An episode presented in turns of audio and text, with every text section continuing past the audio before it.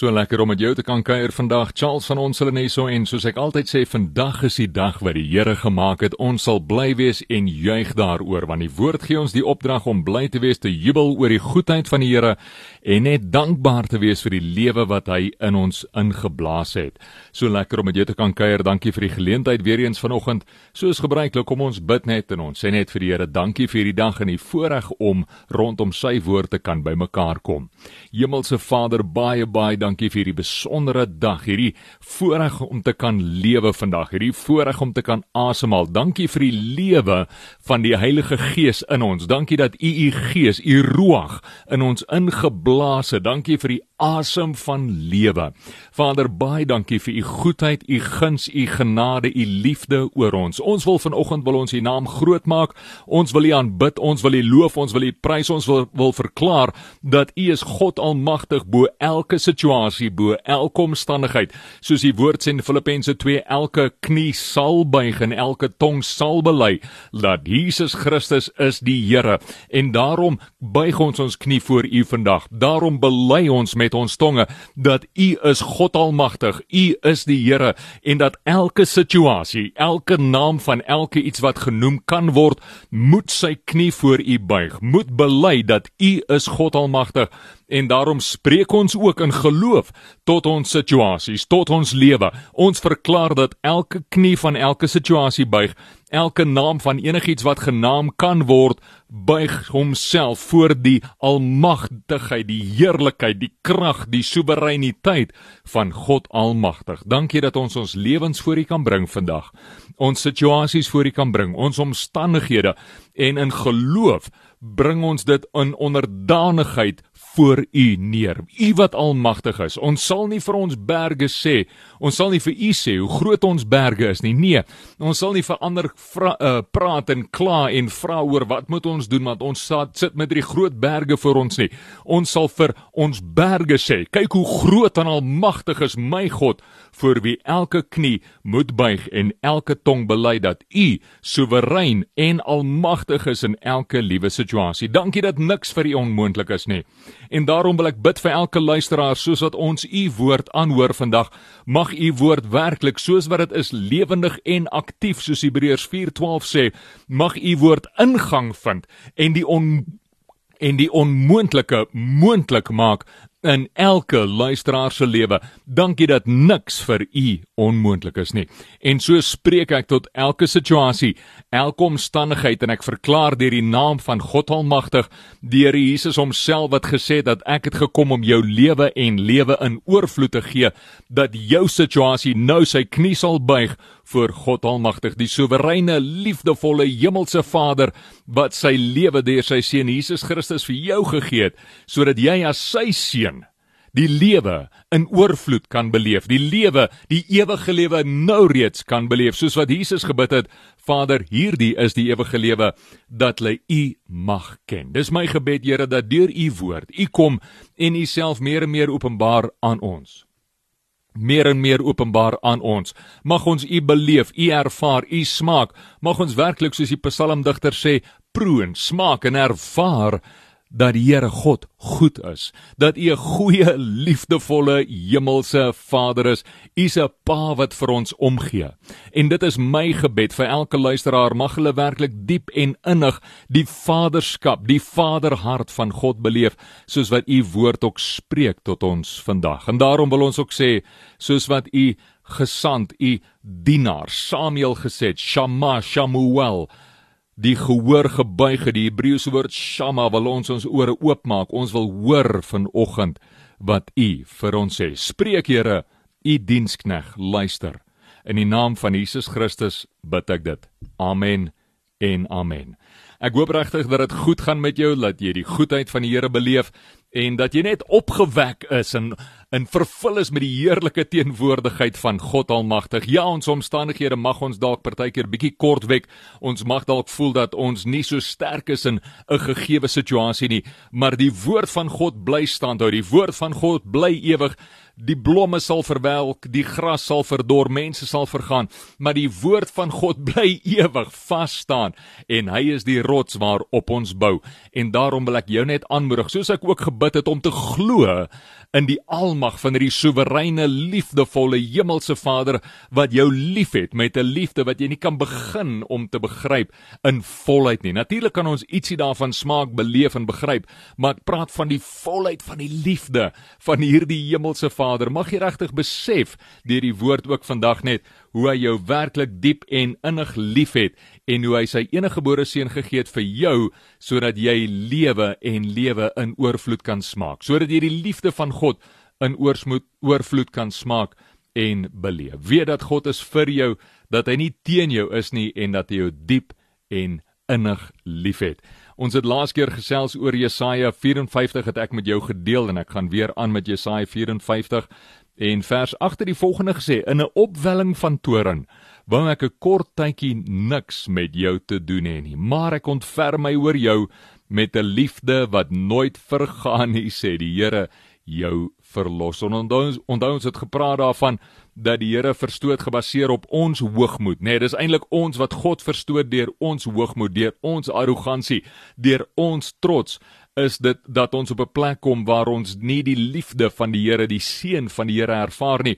Want weer eens Jakobus 4:6 tot 7 nê en 1 Petrus 5:6 tot 7 wat sê God weerstaan die hoogmoediges, maar aan die nederiges gee hy krag en hy gee genade. So daar's niks wat God vir my en jou kan doen as ons hoogmoedig is nie, want die beginsel van wie God is is hy kan dit nie herken nie. Hy kan dit nie erken nie want hoogmoed leef nie in God nie. Arrogansie, arrogansie leef nie in God nie. Hy is 'n God van liefde. Hy's 'n nederige, tere, liefdevolle hemelse Vader. Soos Jesus Matteus 11:28 tot 30 sê, hy sê kom na my toe, almal wat moeg en oorlaai is. En so wil ek ook uitroep na jou en uit ego na elkeen wat luister vandag. Die Here se uitnodiging is daar vir jou wat hy sê kom na my toe, almal wat moeg en oorlaai is van hierdie lewe en die druk van die lewe, want my juk is sag. Ek is nederig van hart, sê die skrif. En hy sê kom na my toe neem my juk op jou want my juk is sag my las is lig my las is vriendelik is die Griekse woord chrestos daar. So my las is vriendelik dit is voedsaam dit is heilsaam dis heerlik kom na my toe dis lekker daar's 'n heerlikheid in God 'n ervaring in God wat heerlik is. Dis lekker. En daarom wil ek jou aanmoedig om dit te ontvang en te ervaar vandag soos wat die Here jou nooi. En hy sê vir jou, kom na my toe in nederigheid. Buig jou hart voor my. Ervaar my goedheid, my liefde. Buig jou hart voor my. Ervaar dat ek is die een wat jou lewe en lewe in oorvloed gee soos wat jy jou hart en jou denke buig voor my. God weerstaan nie hoogmoediges en arrogansie in in die arrogant is omdat hy net wil nie. Hy weerstaan omdat dit nie in sy karakter is nie. Hy kan dit nie erken en herken nie. Soos wat Jesus self voor Pontius Pilatus ook nie die waarheid hy hy kon net staan in die waarheid. Hy kon nie valshede erken nie. Dus kom Jesus stil gebly het soos 'n skaap wat na die slagting toe gegaan het, na die slagpale toe gegaan het. Want Jesus antwoord net op die waarheid, want hy is waarheid. So al wat hy herken en erken is waarheid. So toe Pontius Pilatus hom al hierdie vrae vra, kon hy nie antwoord nie en Herodes ook al hierdie vrae vra, kon hy nie antwoord nie behalwe toe hy gesê het, "Is dit sodat jy die koning van die Jode is?" Toe sê hy, "Ja, dit is so, want hy herken waarheid. Jesus kan alleen resoneer met waarheid. Hy kan alleen antwoord op waarheid en so kan God alleen antwoord op dit wat God is. So kan hy alleen antwoord op dit wat sy karakter is, sy natuur in jou en my. Hy kan net antwoord en herken die natuur van God, die natuur van nederigheid, ootmoed, afhanklikheid van die Vader, soos wat Jesus homself ondergeskik gestel het en erken dat hy is afhanklik van sy Vader. En daarom weer eens vers 8 waarmee ons afgesluit het, in 'n opwelling van toorn wou ek 'n kort tydjie niks met jou te doen hê nie. Ons almal was al daar, ek was al daar. Ek dink jy was al ook daar dalk. Waar jy die toorn van die Here ervaar, waar jy ervaar, maar die Here wil niks met jou te doen hê nie. Jy weet dit is soos wat Petrus ook skryf en ek dink 2 Petrus 3 as ek nou die adres reg onthou, wat hy praat van mans hanteer julle vrouens met wysheid want as julle julle vrouens nie met wysheid hanteer nie, dan sal julle gebede nie verhoor word nie. Dis nie ek wat dit sê nie, dis die Bybel. Ek is die spreekbuis wat die Here gebruik vandag. Ek is die donkie waardeur hy praat, waar God vir jou wil sê dat as 'n man as jy nie met wysheid met jou vrou optree nie, kan jy bid tot jy blou is in die gesig, jou gebede sal nie beantwoord word nie. Dis dieselfde beginsel as die natuur, as die karakter van God, want God tree met wysheid teenoor ons as sy bruid op. Hy tree met wysheid teenoor ons op as sy kerk met liefde, met omsigtigheid, met wysheid. En daarom sê hy ook weer eens, hy kan nie iets herken of erken wat nie in lyn is met sy karakter en natuur nie. Hy kan nie arrogansie erken nie. Hy kan nie hoogmoed erken nie. Hy kan net homself herken, sy gedrag, sy natuur daardie skrif net om te herhaal en te bevestig is 1 Petrus 3 wat sê vrouens julle moet aan julle mans onderdanig wees. Ja en ek weet man sê ja en amen. Hoor nou daar maar dan ook baie pertinent en spesifiek. Sê dit ook dat julle as mans moet met julle vrouens in wysheid omgaan En as jy nie met jou vrou in wysheid omgaan nie, sê die skrif baie duidelik dat nie eers julle gebede sal verhoor word nie. Kom ek lees 1 Petrus 3 vers 7: Mans, julle moet verstandig met julle vrouens saamleef met wysheid. Bewys eer aan hulle as die swakker geslag wat saam met julle deel in die lewe as genadegawe. Dan sal julle kan bid sonder dat iets julle kan hinder. Die ander vertaling sê julle gebede sal verhinder word as julle nie in wysheid saamleef nie. So dit nou alles gesê net weer om te verduidelik te illustreer waar ek laas geëindig het met Jesaja 54 vers 8 waar God sê in 'n opwelling van toorn wou ek 'n kort tydjie niks met jou te doen gehad het nie.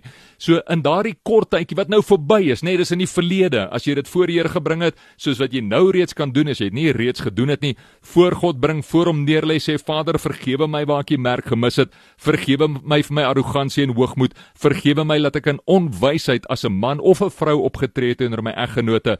Daardie kort tydjie sê God, ek vergewe jou as jy kom in ootmoed en nederigheid sê, bring voor my God vergewe dit. Hy verwyder dit van jou so ver soos die ooste van die weste. En hy sê in my opwelling van toorn wou ek 'n kort tydjie niks met jou te doen gehad het nie, maar nou is dit uitgesorteer. As jy na my toe kom met ootmoed en en nederigheid in jou hart, is dit uitgesorteer. Ek vergewe jou. Maar ek ontferm my oor jou met 'n liefde wat nooit vergaan nie, sê die Here jou verlosser. God is jou verlosser en hy sê vir jou ek ontferm my oor jou met 'n liefde wat nooit vergaan nie. Wat 'n wonderlike wete om te weet dat ons weet dat ons kan weet dat hierdie God se liefde nooit oor ons vergaan nie en dat sy ontferming nooit oor ons sal vergaan nie en dat hy die Here is ons verlosser, die een wat ons verlos van omstandighede, uitdagings wat ook al in jou lewe vir jou 'n probleem mag wees. Kom ons lees vanaf vers 9 verder. Soos met die waters van Noag is dit vir my. Nou hoe was die waters van Noag? Kom ons kyk.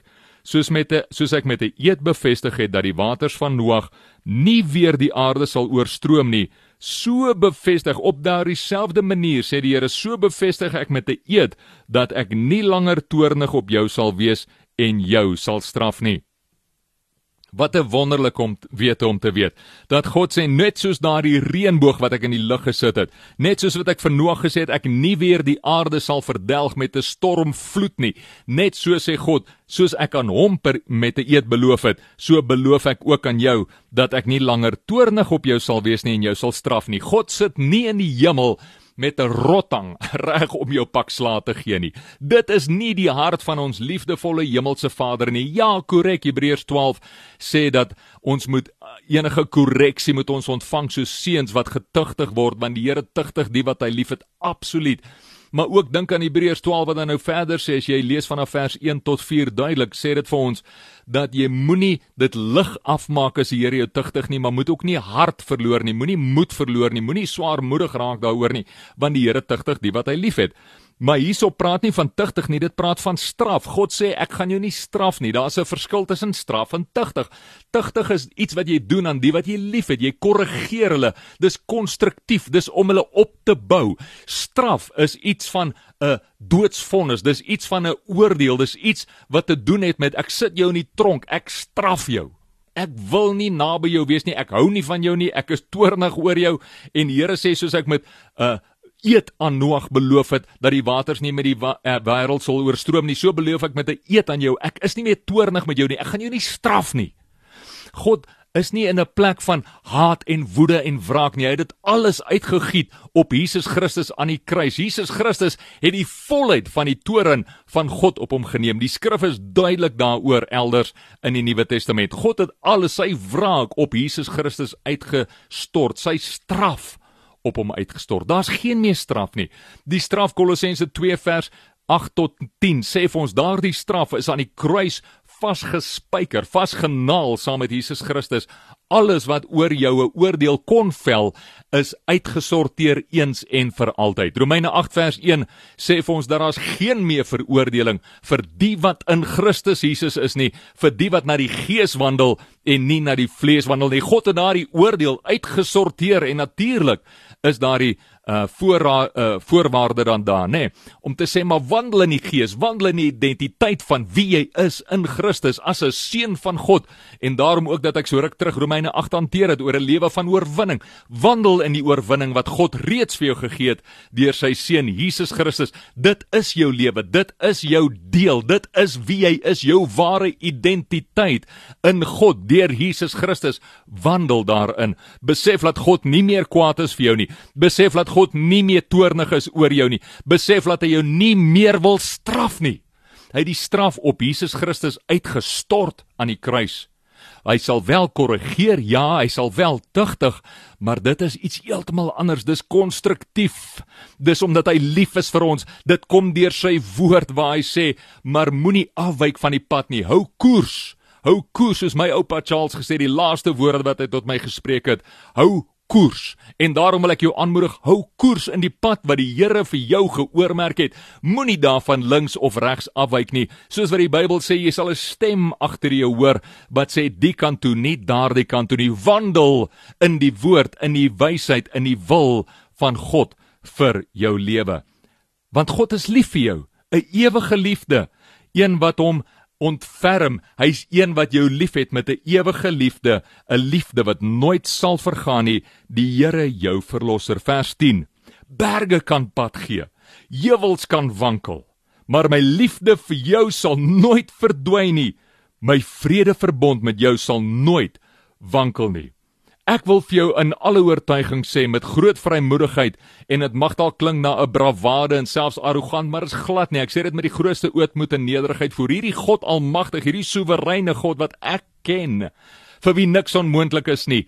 Ek wil in hom wil ek myself uh, uitdruk. In hom wil ek my absolute vaste vertroue wil ek verklaar oor jou situasie oor jou lewe.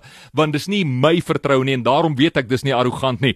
Dis in hom wat ek hierdie God vertroue het vir wie niks onmoontlik is nie. Hierdie God wat vandag deur sy woord vir jou sê maak nie saak wat in jou lewe gebeur nie. Berge kan pad gee.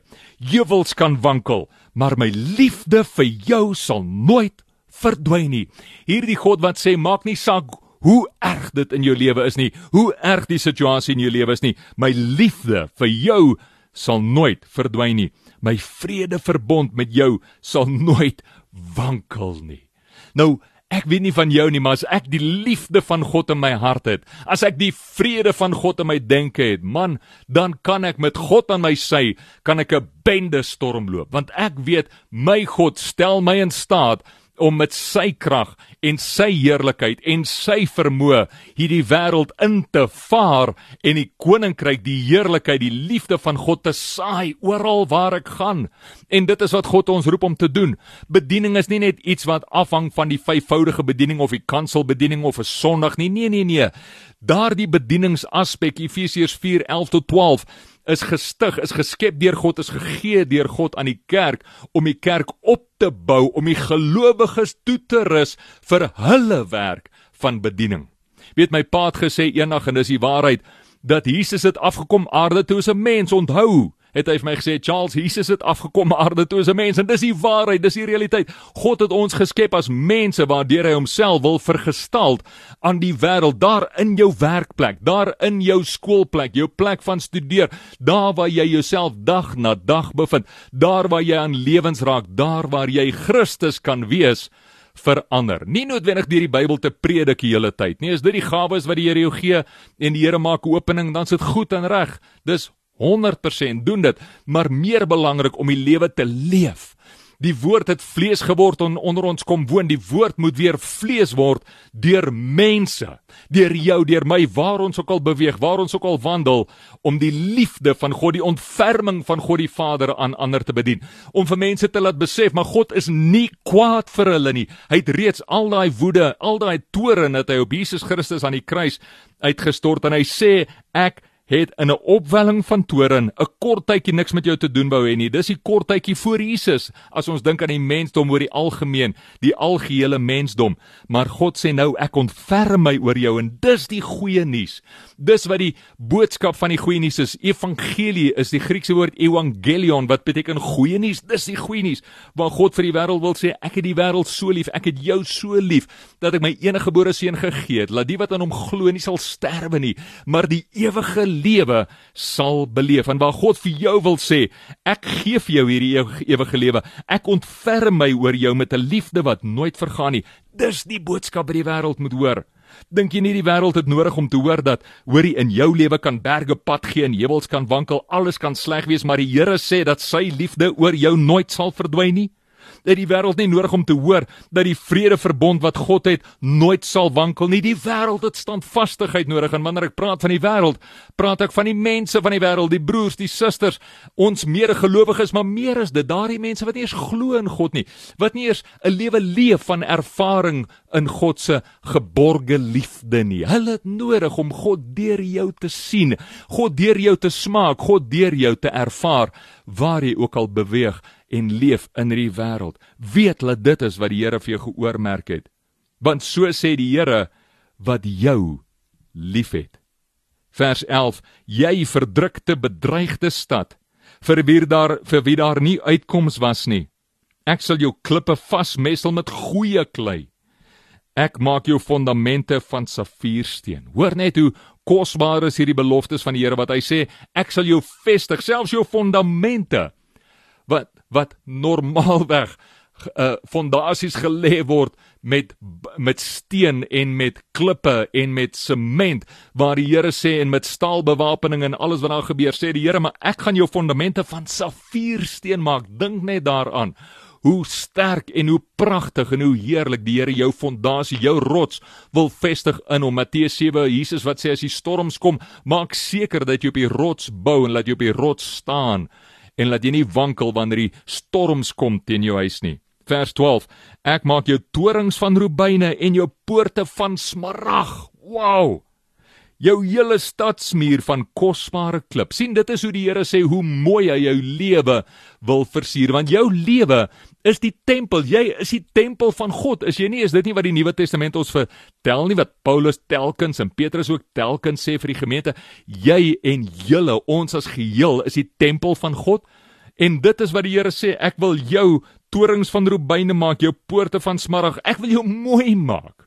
Ek wil jou pragtig afrond. Ek wil jou lewe versier. Dis waar Paulus ook sê laat jou vooruitgang sigbaar wees vir almal. God wil jou vooruitgang, jou lewe so sigbaar, so heerlik, so mooi maak vir almal. Jy weet daar's natuurlik baie wat sê hierdie welvaart evangelie, hierdie prosperity gospel wat mense preek en dis nie wat ek predik nie. Hulle sê daai is nie van die Here af nie. Nou in een opsig is hulle korrek dat 'n oorhel 'n amplifisering, 'n vergroting van enige waarheid, iets wat groot gemaak word buite sy norm, enige iets soos dit Any truth that is overemphasized becomes error. Dit word 'n valsheid, dit word 'n dwaalleer. Ou moet versigtig wees daarvoor.